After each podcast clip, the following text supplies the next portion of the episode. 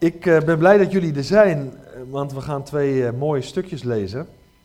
Ik ben er in ieder geval heel enthousiast over en ik hoop dat jullie dat ook vanavond zijn en anders worden. We gaan beginnen in Matthäus hoofdstuk 17 en daarna gaan we naar de tweede Petrusbrief, daar lees ik ook nog een paar versen over. En blijkbaar heeft het toch zo moeten zijn dat dit dan de laatste avond is. En het is echt een boodschap van bemoediging.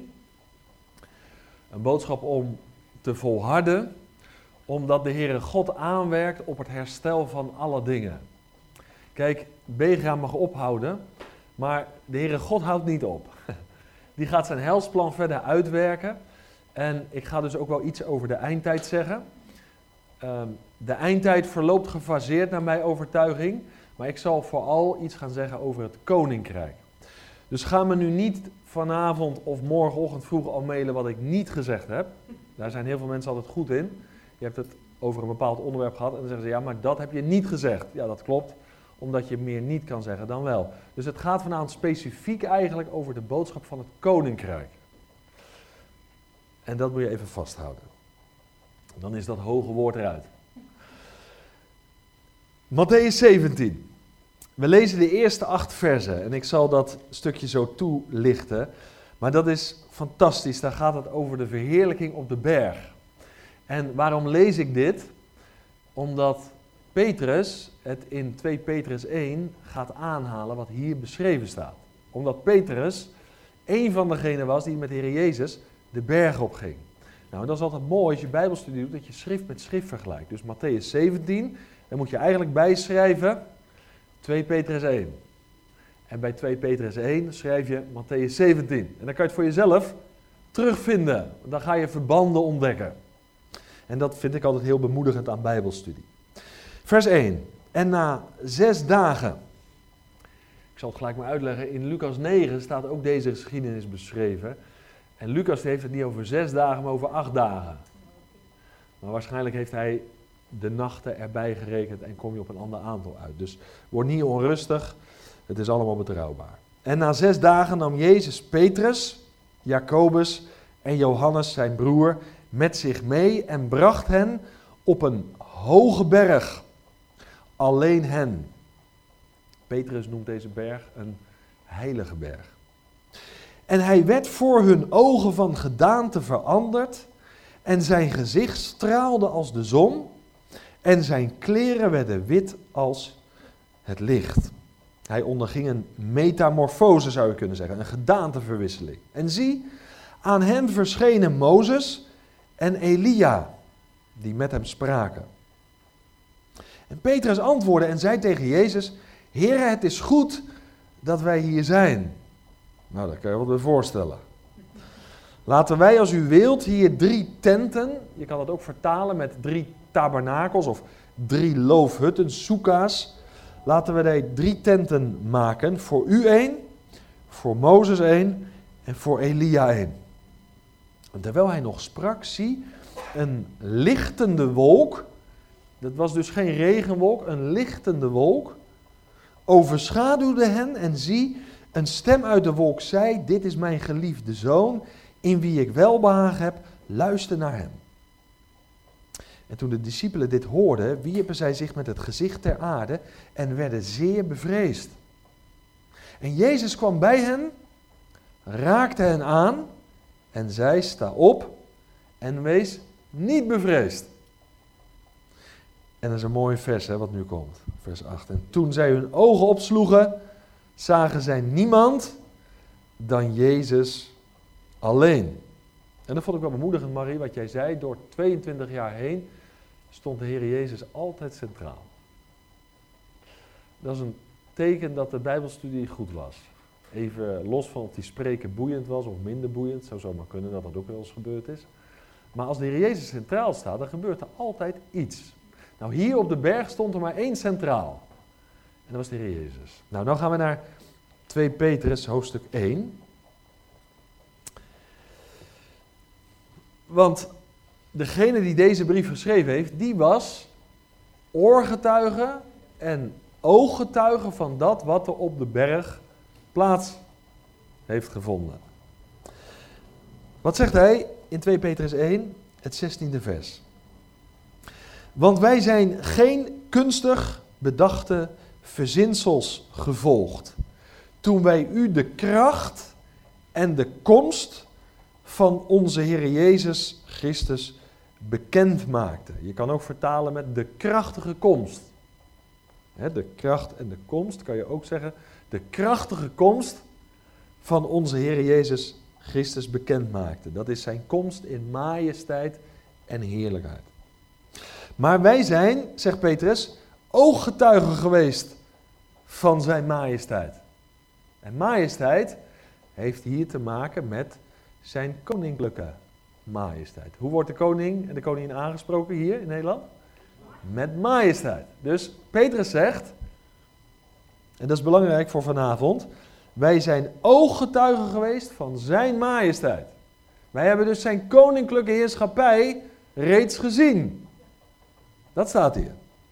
Vers 17, dan gaat hij het uitleggen. Want hij heeft van God de Vader, dat is de Heer Jezus, eer en heerlijkheid ontvangen toen een stem als deze van de verheven heerlijkheid tot hem kwam. Dit is mijn geliefde zoon, in wie ik welbehagen heb. En deze stem hebben wij gehoord toen deze vanuit de hemel kwam, terwijl wij met hem op de heilige berg waren. Zie je, Peter schrijft niet over een hoge berg, maar hij schrijft over de heilige berg. Ja, weet je, als je met je natuurlijke oog kijkt, dan zeg je dat is een hoge berg. Als je met je geestelijke oog naar die berg kijkt, dan zeg je, hé, hey, we waren in de tegenwoordigheid van God. Dan wordt het een heilige berg. Ja? De tabernakel was ook gewoon een tent. Was wel goud, was wel zilver, was koper, was allerlei kostbare materialen. Maar wat maakte de tabernakel tot een heiligdom?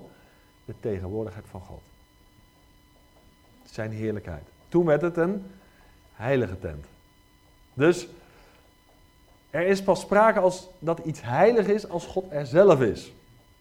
Dat is belangrijk. Vers 19. En wij hebben het profetisch woord dat vast en zeker is. En u doet er goed aan daarop acht te slaan als op een lamp die schijnt in een duistere plaats totdat de dag aanbreekt en de morgenster opgaat in uw hart. Dit moet u allereerst weten, dat geen enkele profetie van de schrift een eigenmachtige uitleg toelaat. Want de profetie is destijds niet voortgebracht door de wil van de mens, maar heilige mensen van God, door de Heilige Geest gedreven, hebben gesproken. Nou, ik zou je het verband zo laten zien tussen Matthäus 17 en 2 Petrus 1. Het is een prachtig bemoedigend gedeelte dit. Waar Petrus een indrukwekkend getuigenis afgeeft. En de gelovigen toen, maar ook de gelovigen vandaag bemoedigt dat God zijn helsplan absoluut gaat volvoeren.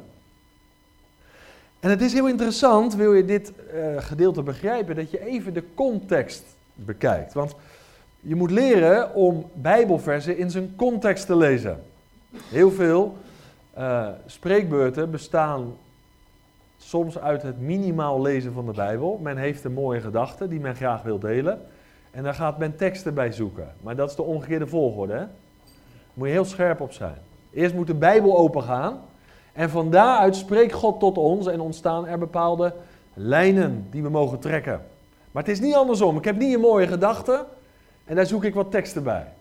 Nee, ik geloof echt in bijbelverklarende prediking. De Bijbel verklaart zichzelf. Dat is gezond. Nou, wat staat nou voor de versen die wij uit 2 Petrus 1 hebben gelezen? Nou, lees even mee vanaf vers 14. Want Petrus die heeft een overtuiging van God zelf gehad. En wat zegt hij? Omdat ik weet in vers 14, 2 Petrus 1, dat het afbreken van mijn tent nu snel zal plaatsvinden. Hier gebruikt hij het beeld van een tent om te spreken over het proces van sterven.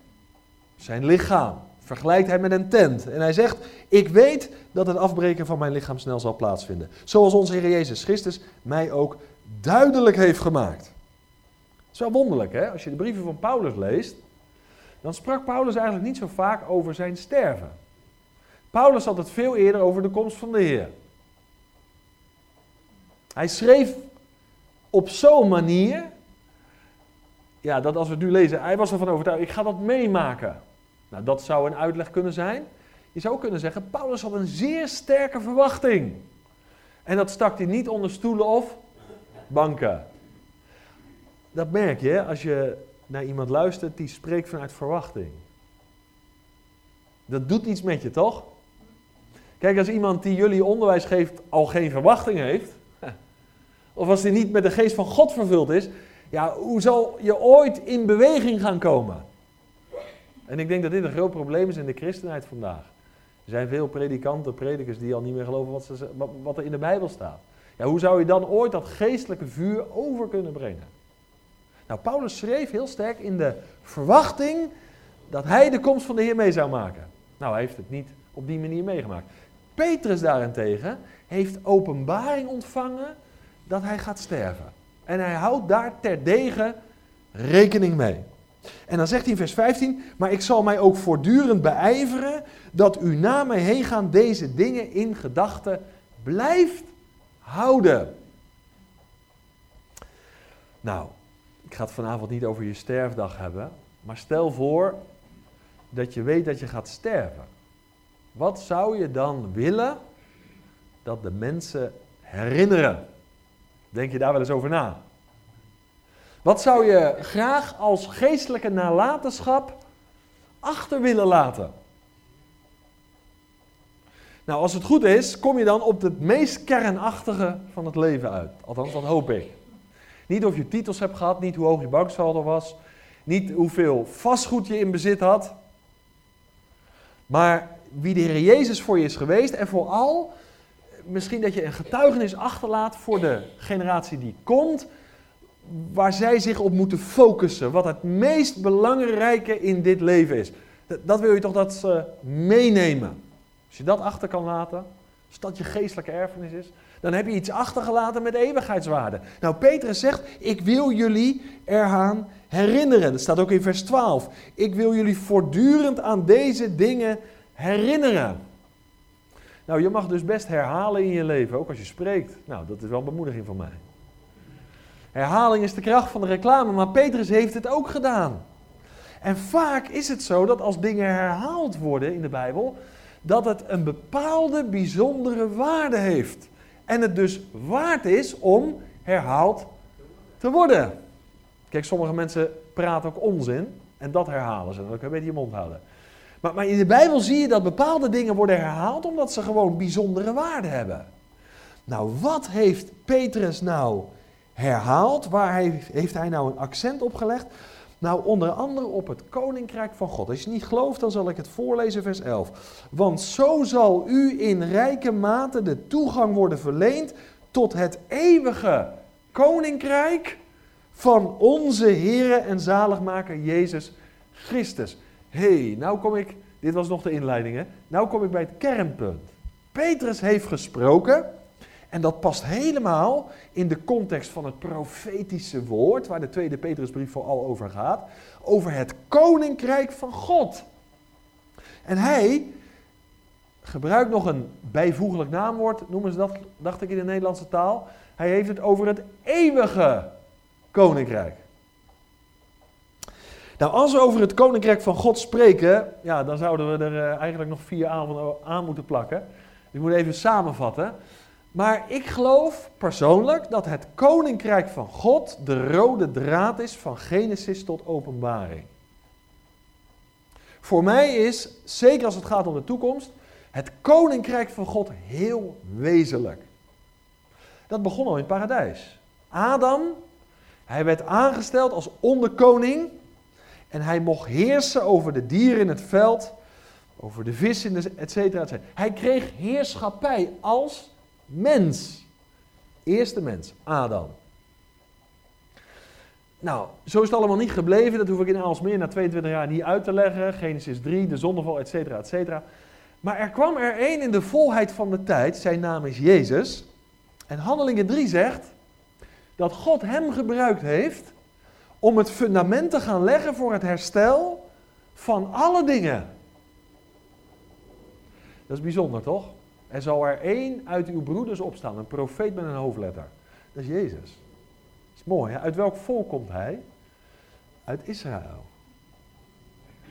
En dat is zo bijzonder. Nou, wat zie je dan? Dan zie je eigenlijk drie fases in het koninkrijk.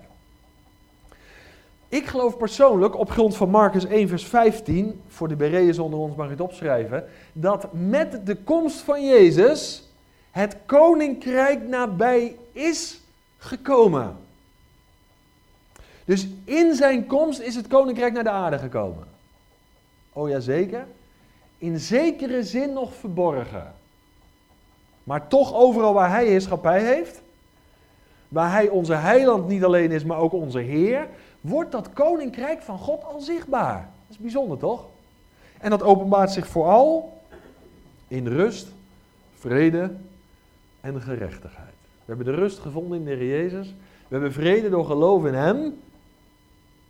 En we hebben deel aan Gods gerechtigheid. Dat is toch fantastisch? Ik zat vandaag even een stukje van de paus te kijken. Er is iemand zalig verklaard. Een Nederlander. Ik ben zijn naam even kwijt. Ja, zoiets ja. Maar ik denk, wat, wat een ellendige toestand toch. Weet je, ik ben heilig verklaard. Ik ben uh, gerechtvaardigd. Ik, ik ben alles. Ik hoef niet naar Rome te gaan. Ik heb niet een of andere paus nodig met een of andere vage toespraak en beweging en zo. En dan gebeurt het. En, uh, soms duurt het jaren. Toen ik tot geloof kwam, kreeg ik vrede, kreeg ik rust, kreeg ik deel aan Gods gerechtigheid, kreeg ik deel aan Gods heiligheid. Wil je het nog mooier hebben? Door slechts te geloven werd het mij toegerekend.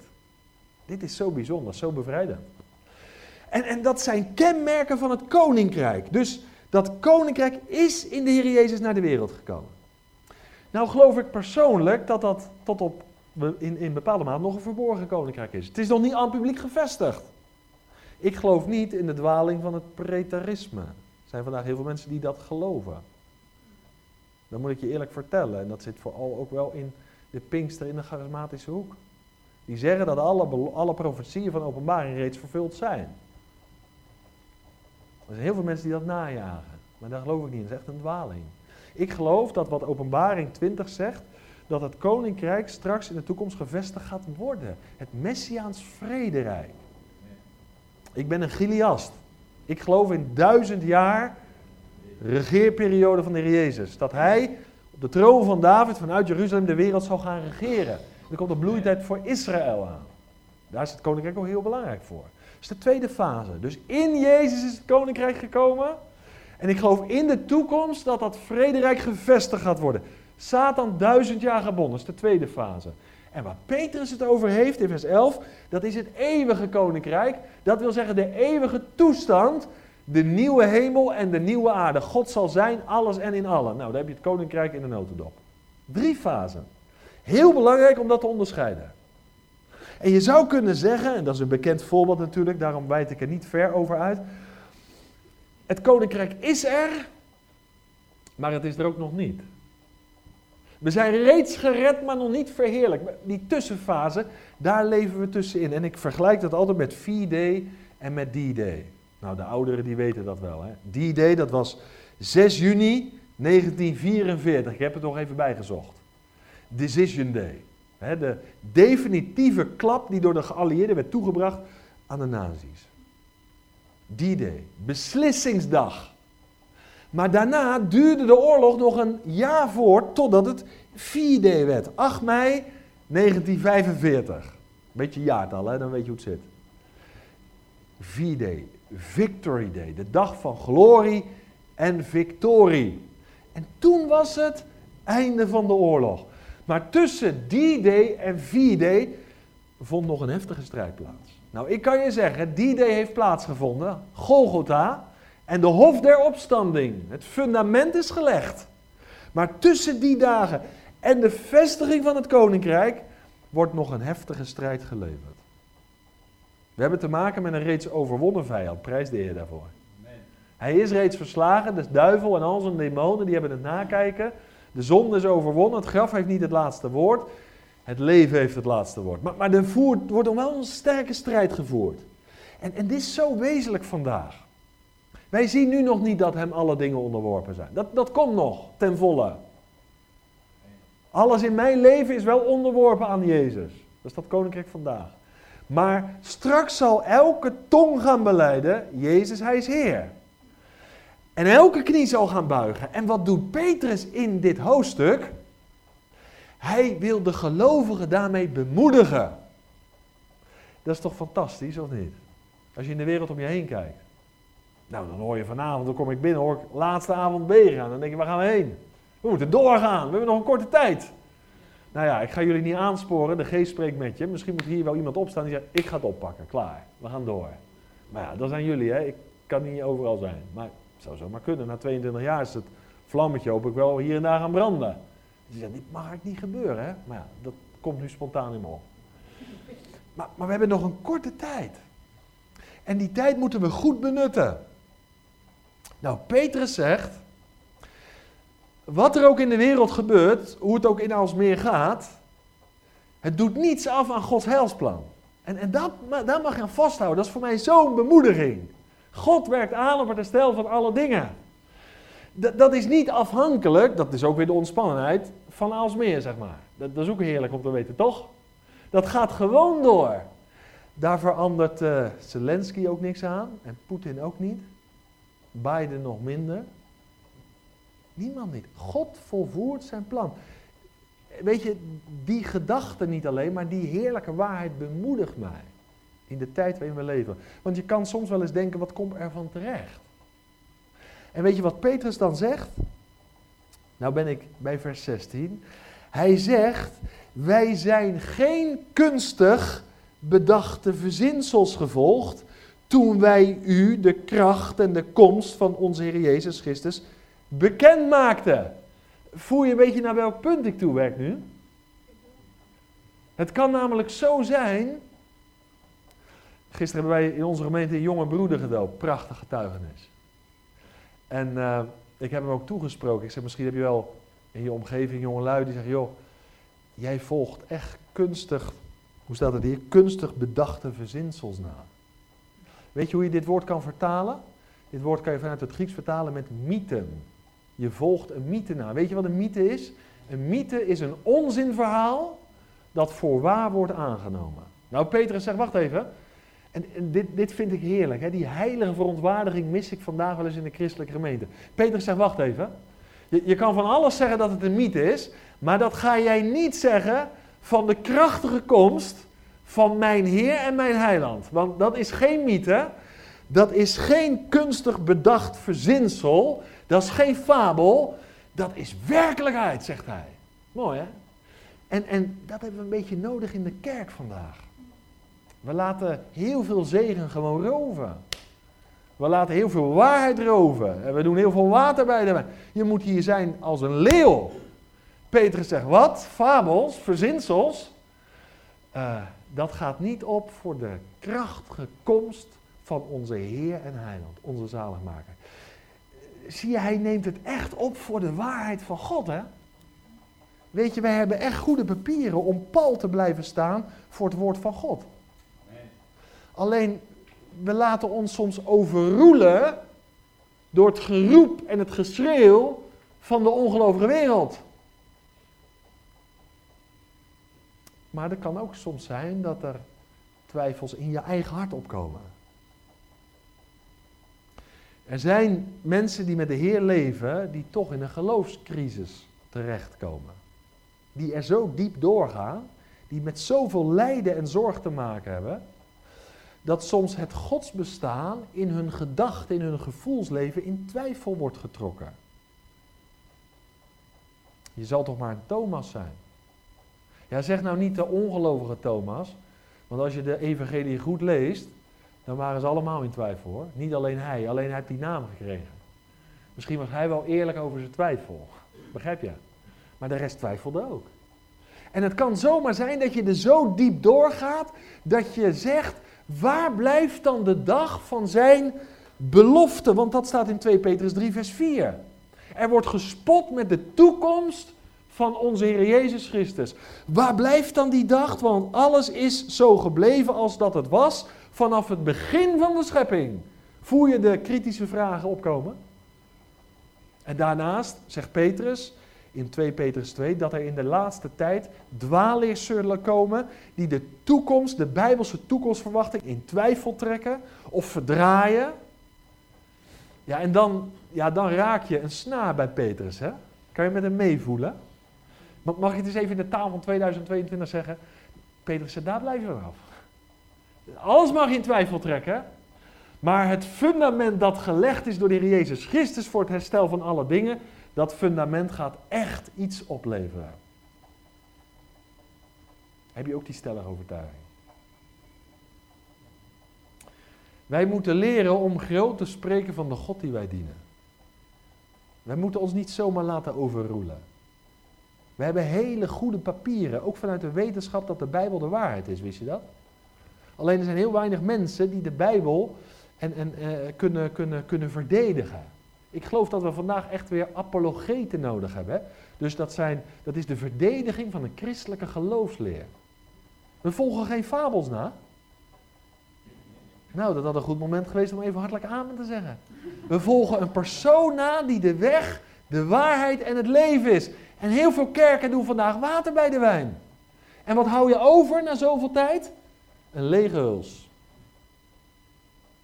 Dat is toch triest, of niet? Dat woord moet er ingegoten worden. Dit is de waarheid. En uh, ik ben opgevoed met uh, Maarten Luther. Hij heeft niet altijd mooie dingen gezegd, zeker niet over Israël.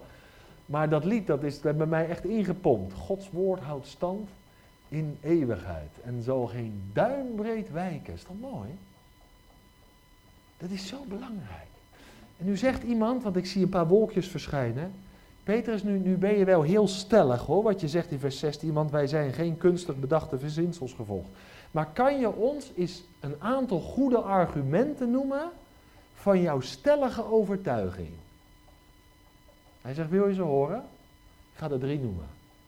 Hij zegt, allereerst ben ik ooggetuige geweest. In de tweede plaats ben ik oorgetuige geweest. En in de derde plaats is mij het profetisch woord gegeven. Nou, op die drie ga ik even inzoomen. Het is een beetje, ja, het is bijbelstudie. En daarvoor gaan we naar Matthäus 17. En dat vind ik zo fantastisch. Weet je, ik hou er altijd van als iemand kan uitleggen wat hij gelooft en waarom hij dat gelooft. Daar kan ik wat van leren, toch? Kijk, sommige mensen geloven het wel. Begrijp je wat ze daarbij bedoelen? Je hebt mensen die geloven, maar je hebt ook mensen die geloven het wel. Maar Petrus wist in wie hij geloofde, dat is belangrijk, net als Paulus, maar ook wat hij geloofde. Petrus zegt, nou, ik, ik, ik ben heel stellig, dat ben ik met je eens, maar ik heb redenen om stellig te zijn. En ik ga je meenemen naar een moment dat ik met de Heer op de berg was. Matthäus 17. En dat vind ik zo een fantastisch stukje. Ik word er enthousiast van. Een heel indrukwekkend gebeuren. Ik ga je meenemen naar het noorden van Israël. En ik heb het al gezegd, Matthäus spreekt over een hoge berg. Petrus spreekt over een heilige berg. Begrijp het wel? Matthäus was niet bij die verheerlijking aanwezig. Niet fysiek. Maar Petrus heeft daar een ervaring op gedaan dat hij zegt, ik was op een heilige berg. In Gods tegenwoordigheid, nabijheid, in zijn intimiteit. Ja, dat ga je niet meer vergeten. En nu moet je even goed opletten. En dat vind ik zo mooi aan Bijbelstudie. Vers 24 van hoofdstuk 16. Je hebt je Bijbel op je schoot, dus je kan meelezen. Wat staat daar? Toen zei Jezus tegen zijn discipelen. Daar waren ze allemaal nog bij. Ze waren, mag ik het zo zeggen, compleet. Er waren meerdere discipelen bij. Toen zei hij tegen zijn discipelen. Dan krijg je die bekende tekst als iemand achter mij aan wil komen, et cetera, et cetera.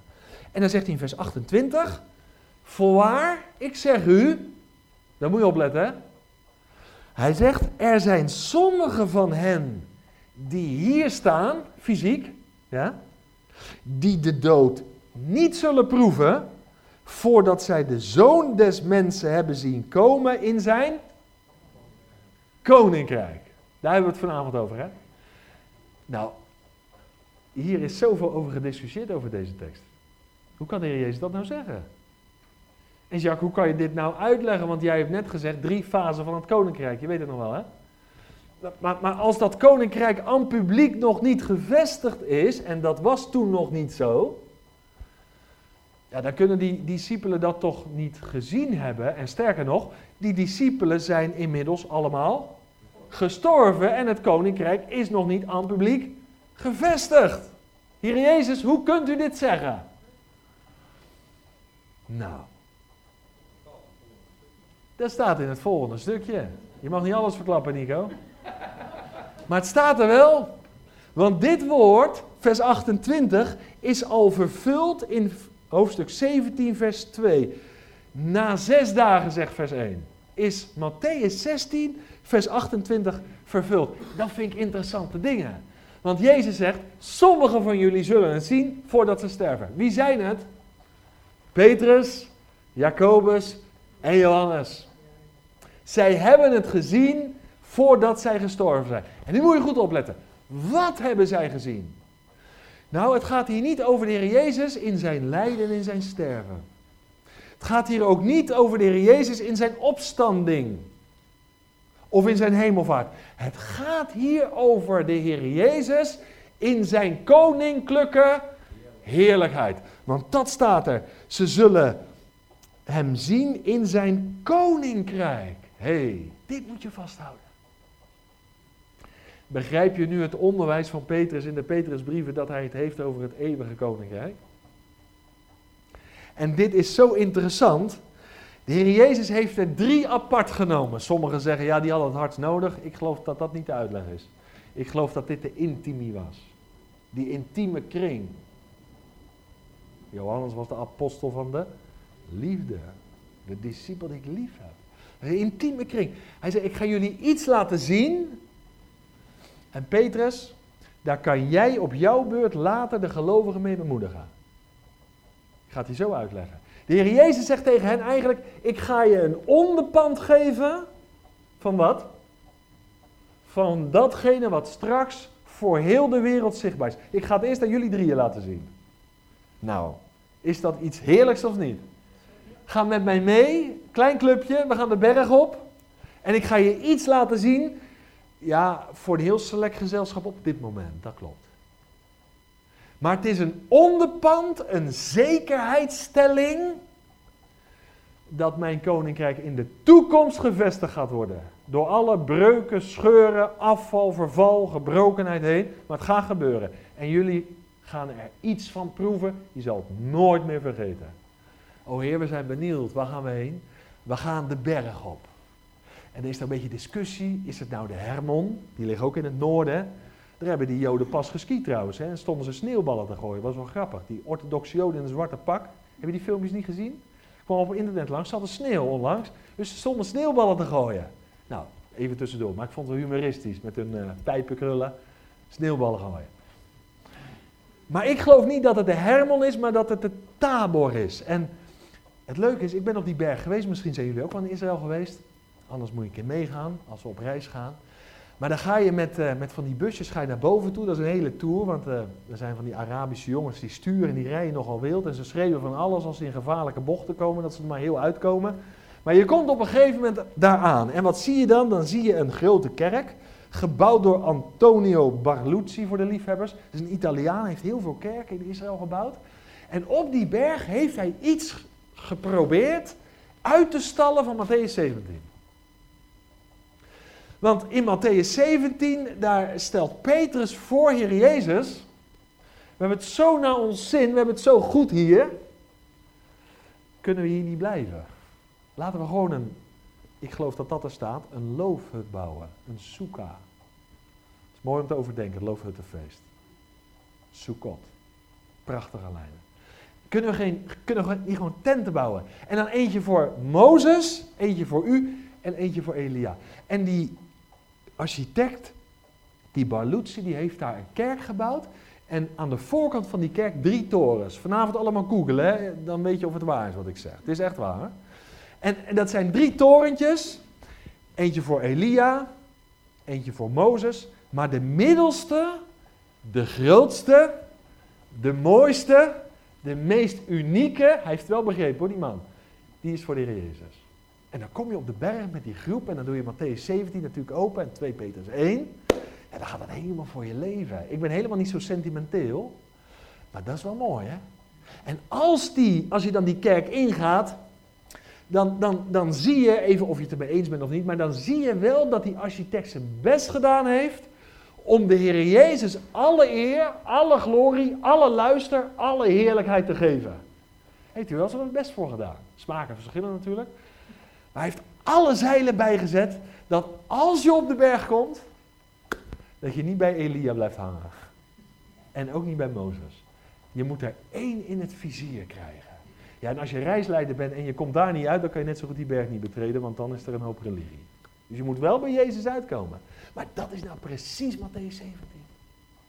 En wat zegt Petrus?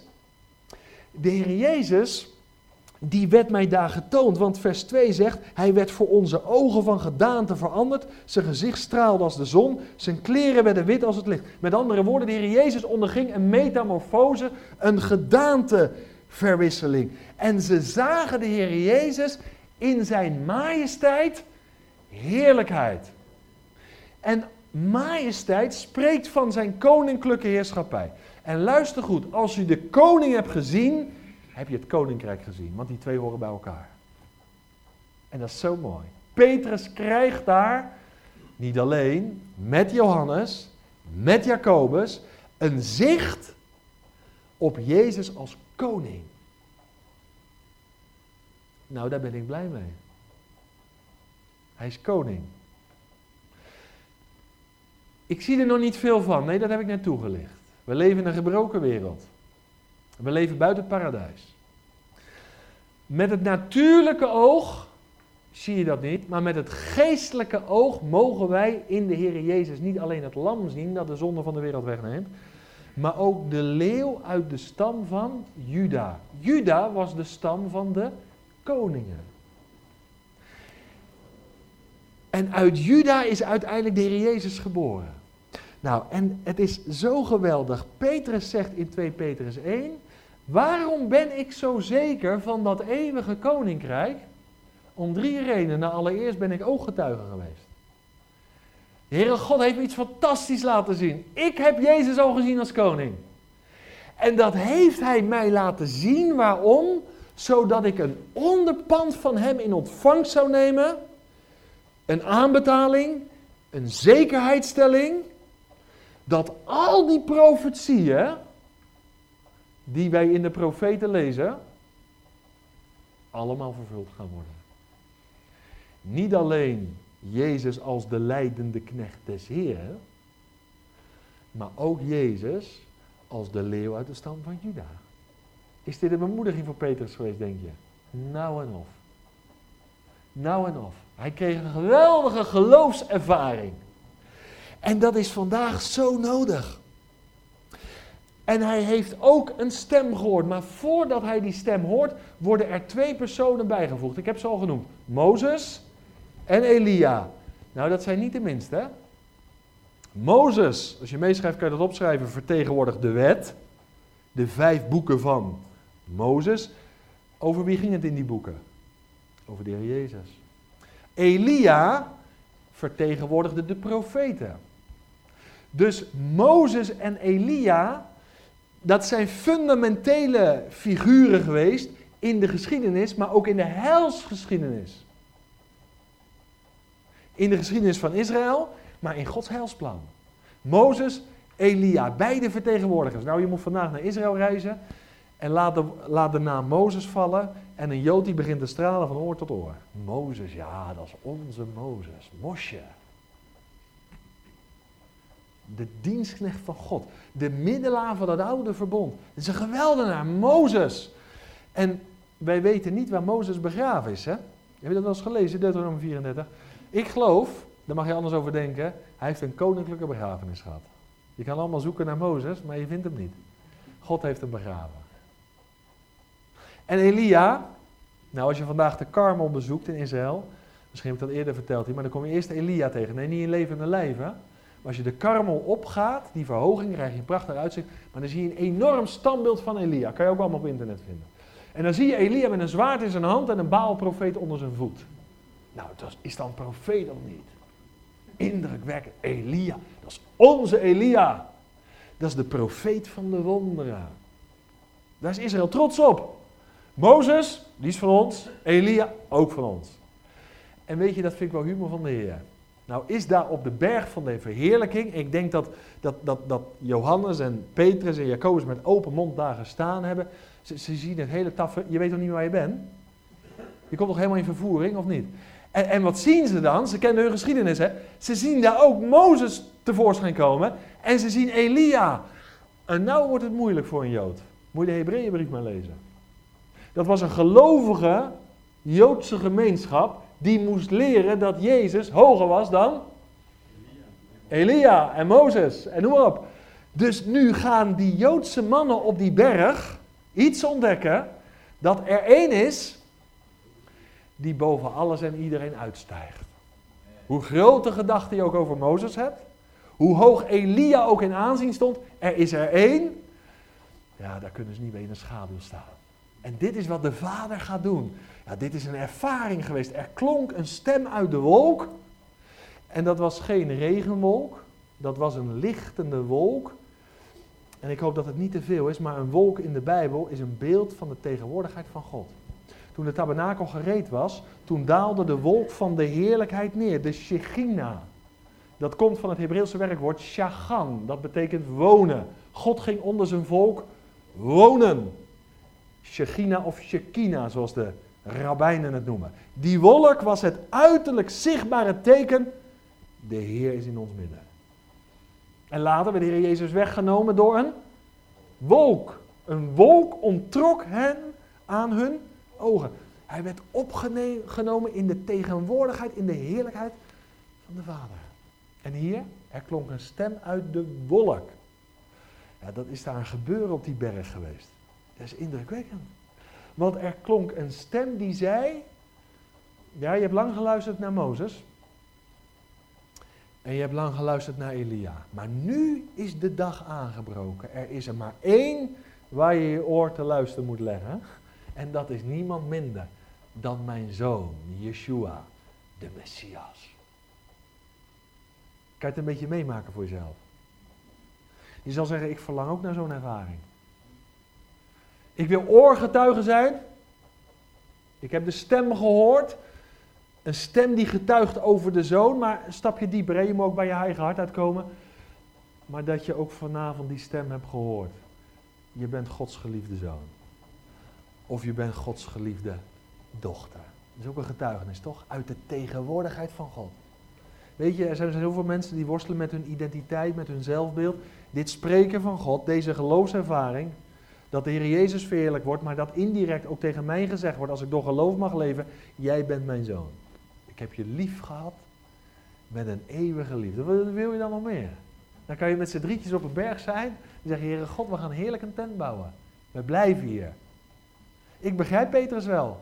In de taal van 2022, weet je wat we zouden zeggen? Uh, laten we een cameraploeg erbij nemen. Ik bedoel niet spotten, maar dit moet vastgelegd worden. Dit is zo uniek, dit is zo bijzonder.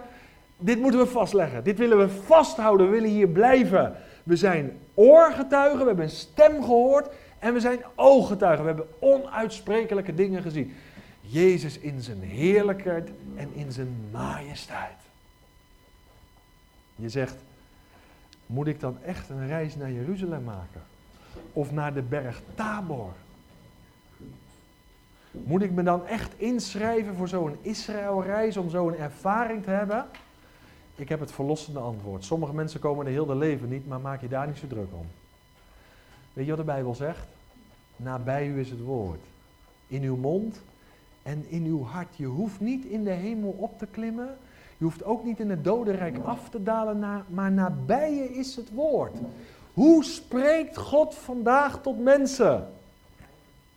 Allereerst door het woord. Ik zeg niet dat hij niet kan spreken door dromen. Ik zeg niet dat hij niet kan spreken door visioenen. De getuigenissen zijn daar. Maar de Bijbel zegt in Hebreeën 1, vers 1 dat God in de laatste dagen ervoor gekozen heeft om te spreken door de zoon. Het vlees geworden woord. Daarom is Bijbelstudie zo belangrijk. 1 uur, 2 uur, 3 uur. Ik geloof erin. Ik heb er meer mee, maar goed, vergeef me, dan cabaret of, of theater in de kerk. Het woord moet er gewoon in. Word je verstand door verlicht. Geloof is uit het gehoor. Het gehoor door het gepredikte woord van God. Als jij vanavond verlangt naar een geloofservaring, zoals in Matthäus 17, onderzoek de schriften. Die zijn het die van hem getuigen. God spreekt door dit boek heen. Maar geloven we het nog? En heel veel mensen halen er van alles bij vandaag. Laten we dat doen en dat doen en die drempel verlagen en daar nog wat weghalen. Dan komen ze wel. Weet je hoe ik tot geloof ben gekomen? Gewoon door bijbelstudies van een uur. Over de Romeinenbrief. Gewoon een stukje door vijf versjes. Hè? Weer een uur. Tien versen, een uur. Zo ben ik tot geloof gekomen. Anders niet hoor. En dat is zo heerlijk, omdat ik weet uit ervaring, ik heb bergtop ervaringen gehad in mijn leven. Herken je die? Dat ik de stem van God zo gehoord heb, het is voor mij. Is toch heerlijk? En ik was nog niet in Jeruzalem geweest, laat staan op de berg Tabor. Ik heb dingen gehoord en onuitsprekelijke dingen gezien. Hoe dan? Met je natuurlijk oog. Nee, met het oog van geloof. Heb ik de Heer Jezus niet alleen gezien als het lam van God, maar met het oog van geloof heb ik hem ook gezien als de leeuw uit de stam van Juda.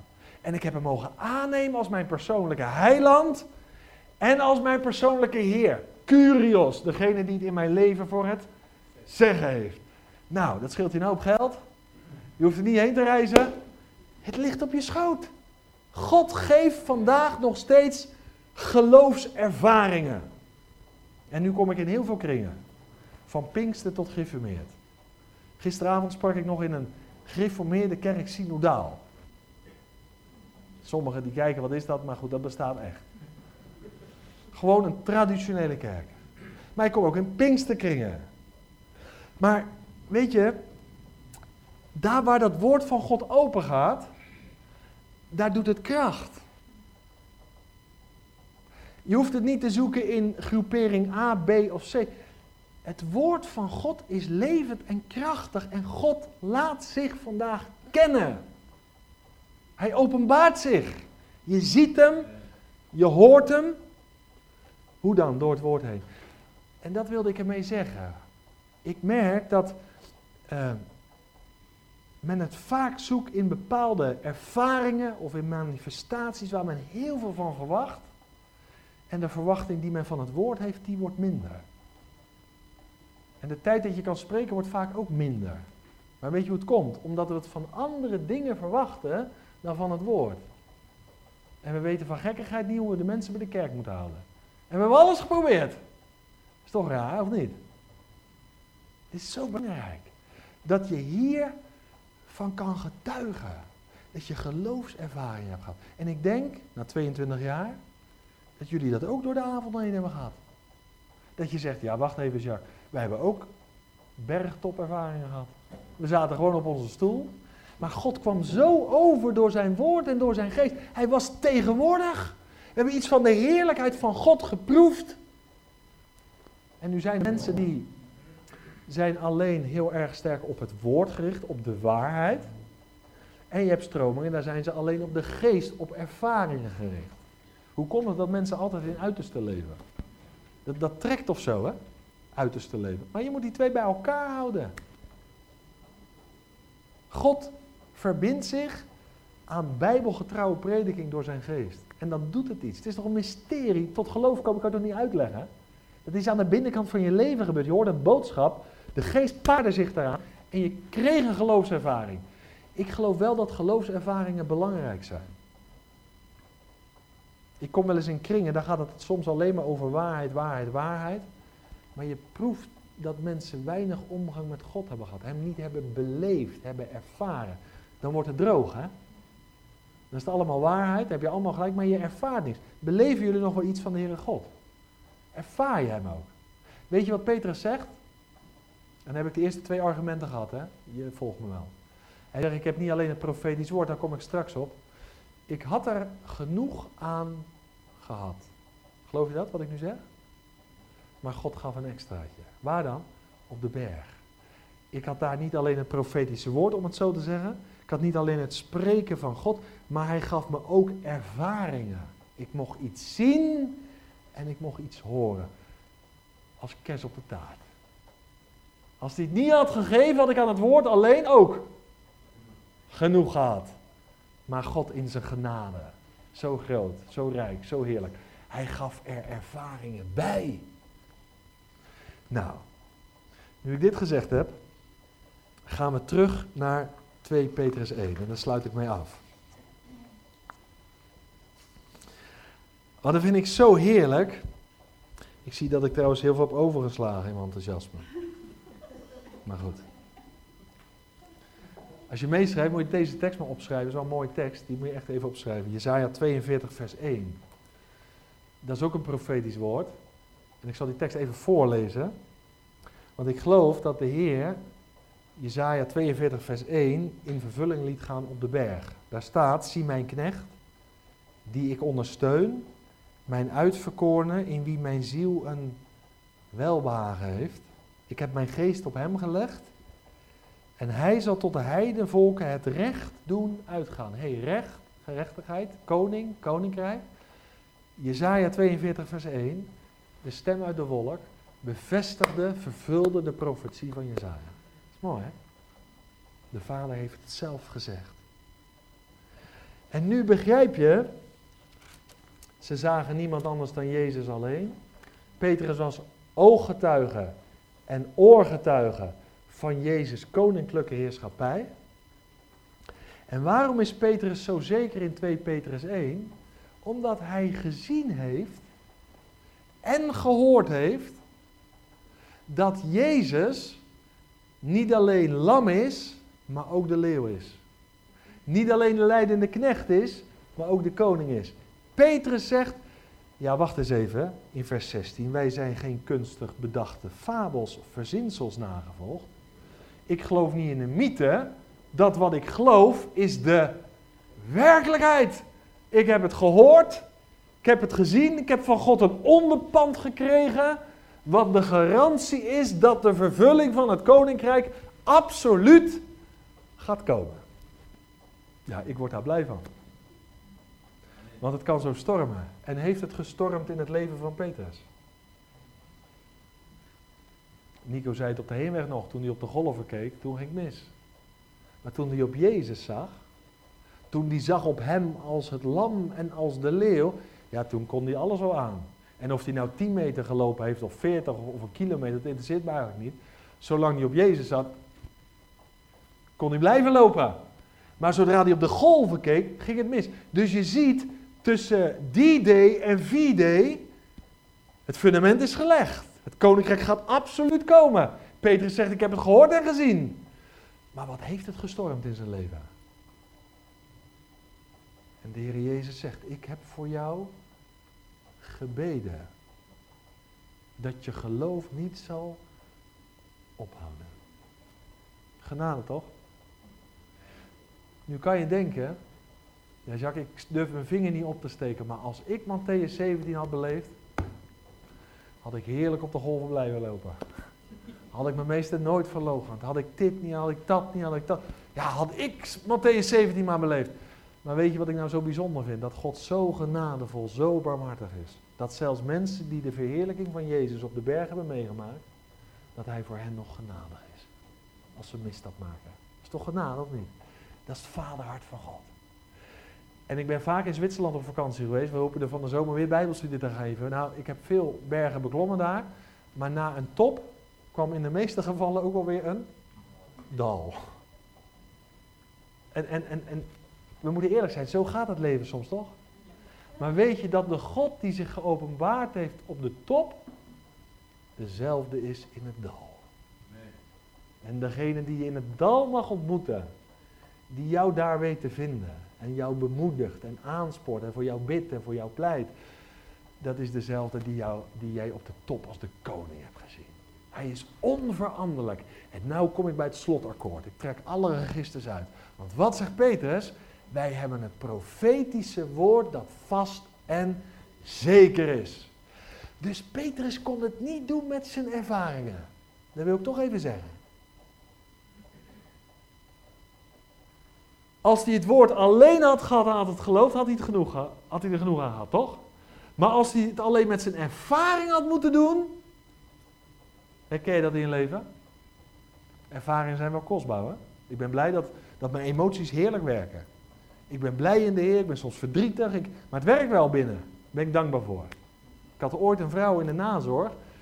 Ik sprak op een camping, die kwam naar me toe. Ze zegt, ik begrijp niet waar jij je enthousiasme vandaan had. En ik zag het al hè, in de studie, want de ogen zijn de spiegel van je ziel. Die vrouw, die, er ging nooit een lachje af. Als je een grapje maakte, lachte ze niet. Als je ernstig was, dan veranderde ook niks. Toen kwam ze naar me toe, ze zegt, ik begrijp niet waar het vandaan haalt. Ik zei, ja, dat, dat is niet een knop of zo, dat, dat, dat zit erin. Ze zegt, ik heb geen mimiek meer, ik heb niks meer. Ik heb zoveel meegemaakt in mijn leven. Nou, dan zijn er heel veel mensen die gaan heel geestelijk doen. Die zeggen, nou ja, laat op de knieën gaan en we gaan om bevrijding bidden. Maar soms moet je ook wel eens een hele nuchtere benadering hebben. Hè? Dus weet je wat het eerst in me opkwam, en ik geloof dat het van de Heer is, was, ik maakte een grapje, toen begon ze te lachen. Ik zeg, prijs de Heer, u kan lachen. Begrijp je, het, het, het, het deed haar weer wat.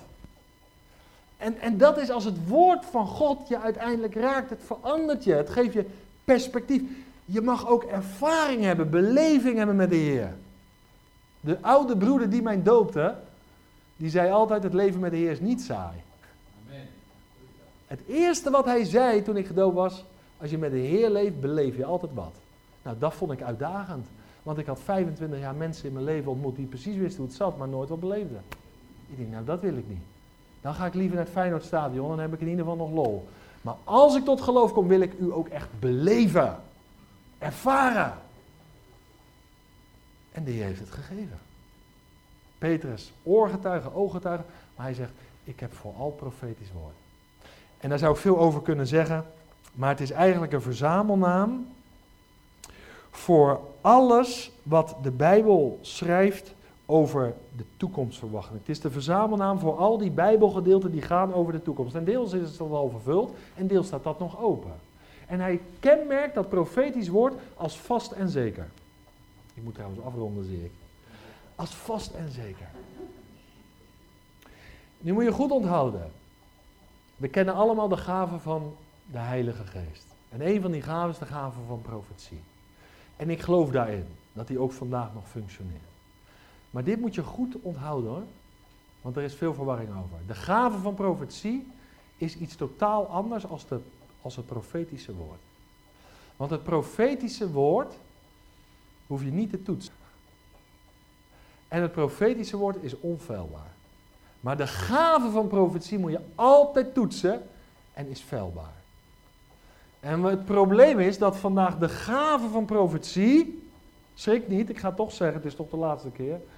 De gave van profetie wordt soms verheven tot het profetisch woord. Maar dat is iets totaal anders. Dan zeggen mensen, ja ik heb een profetie. En daar maken ze bijna van, al zo spreekt de Heer. Maar zo leert de Bijbel dat niet. En dit is een heel belangrijk onderscheid, want er is op dit gebied heel veel dwaling. Het profetische woord is vast en zeker. Onfeilbaar, hoef je niet te toetsen.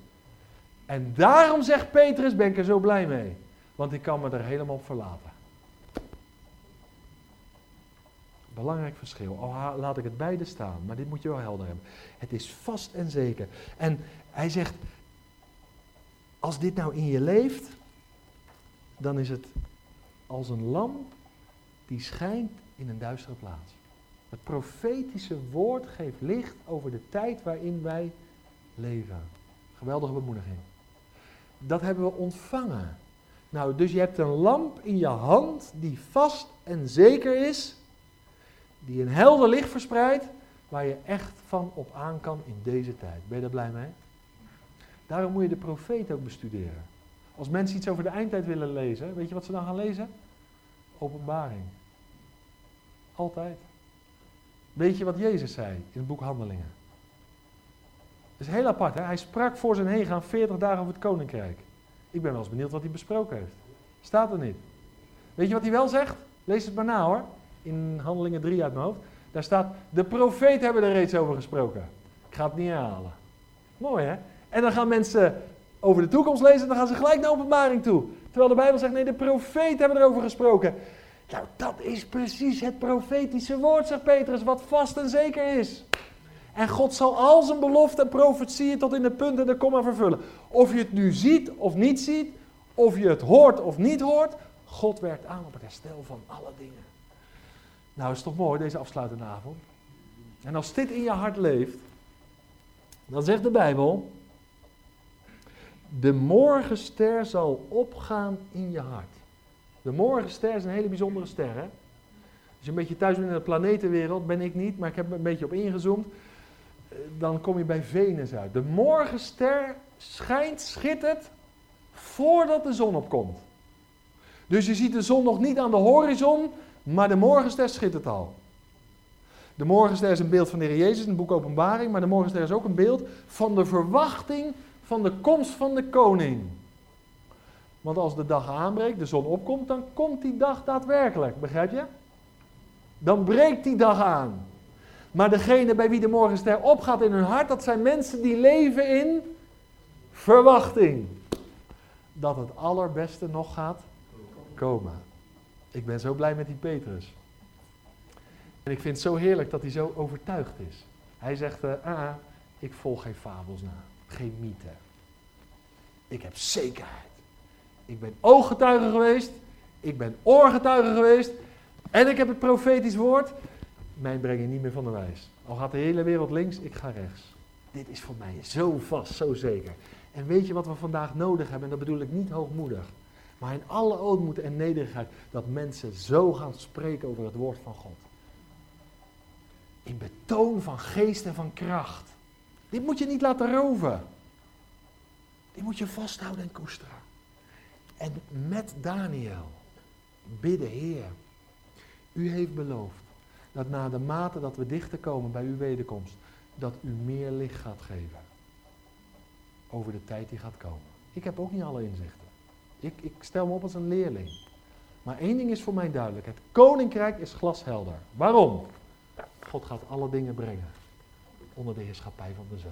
Daar gaat het op aan. Dat is voor mij zo zeker. En dat was al in de eerste Adam. Ik eindig waar ik mee begonnen ben. De eerste mens, de eerste Adam. Daardoor heeft God zijn plan niet uit kunnen werken. Maar toen kwam de laatste Adam. En wie is dat? Dat Jezus. De laatste mens.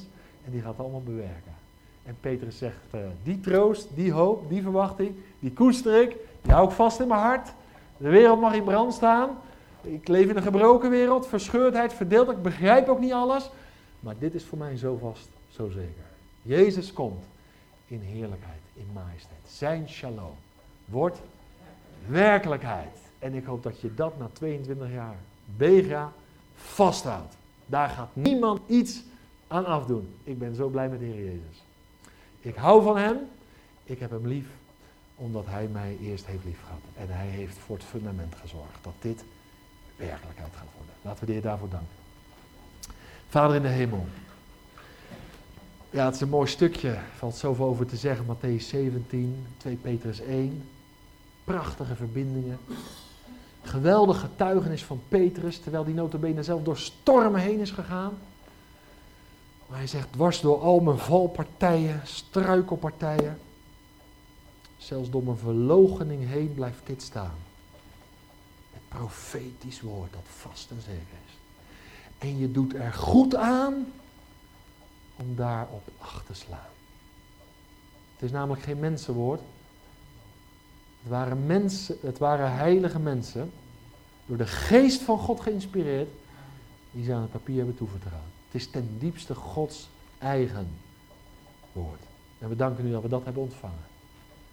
We hebben nog veel meer ontvangen dan profetisch worden. We hebben complete godsopenbaring. En Heer, het kwam best wel even rauw op mijn dak dat Begra gaat stoppen. Maar wat een heerlijke boodschap als afsluiting. U gaat door met uw plan. Dat kan niemand keren. U volvoert uw plan. En we prijzen u daarvoor. Heer Jezus, wil u loven, wil u prijzen. Wil u het middelpunt zetten, zoals op de berg van de verheerlijking. Dat u het fundament heeft gelegd. We danken u dat we u mogen kennen. We danken u dat u uw geest in ons hart woont. We danken u voor het kostbare woord wat u ons hebt gegeven. We zijn zo schat hemelrijk. Wat willen we nog meer? Ja, we zien aan u uit. We houden van u. En ik wil u bidden, Heer, dat al het werk wat ook door de jaren heen hier heeft plaatsgevonden, dat u dat rijk zal zegenen. Dat de vrucht zal zijn reeds in dit leven. Maar dat er bovenal vrucht zal zijn voor u, de hemelse landman, straks tot in alle eeuwigheid. Heer, dank u wel voor allen die een taak hebben gehad door de jaren heen. We hebben Wim genoemd, we hebben Marie genoemd, maar er zijn er veel meer die zich hebben ingezet die ik niet persoonlijk ken. Maar ik wil u, u, danken voor hun trouwe inzet, voor hun trouwe dienst, voor hun volharding. We danken u voor de zegen die u hebt gegeven. We danken u voor de geloofservaringen die hier hebben plaatsgevonden. We danken u voor de tegenwoordigheid van uw geest in het midden van de Bijbelstudieavonden. U maakt het verschil zelf door aanwezig te zijn naar uw belofte. Ja, we komen woorden tekort om u te danken. En we bidden u, Heer, als we elkaar misschien niet meer zien of minder zien, dat we elkaar straks in de eeuwigheid toch weer mogen ontmoeten. We zullen daar bekenden terugzien. Althans, dat geloof ik. Maar we zullen vooral Hem zien die ons heeft liefgehad. De Heer Jezus Christus. Zegen zo al het werk wat hier heeft plaatsgevonden. Bemoedig ook als het soms een pijnlijk iets is dat we moeten stoppen. Geef kracht en moed. Blijf met ons, Heer. U heeft het beloofd. Ik zal met jullie zijn. Al de dagen. Tot aan de voleinding van deze wereld. Amen.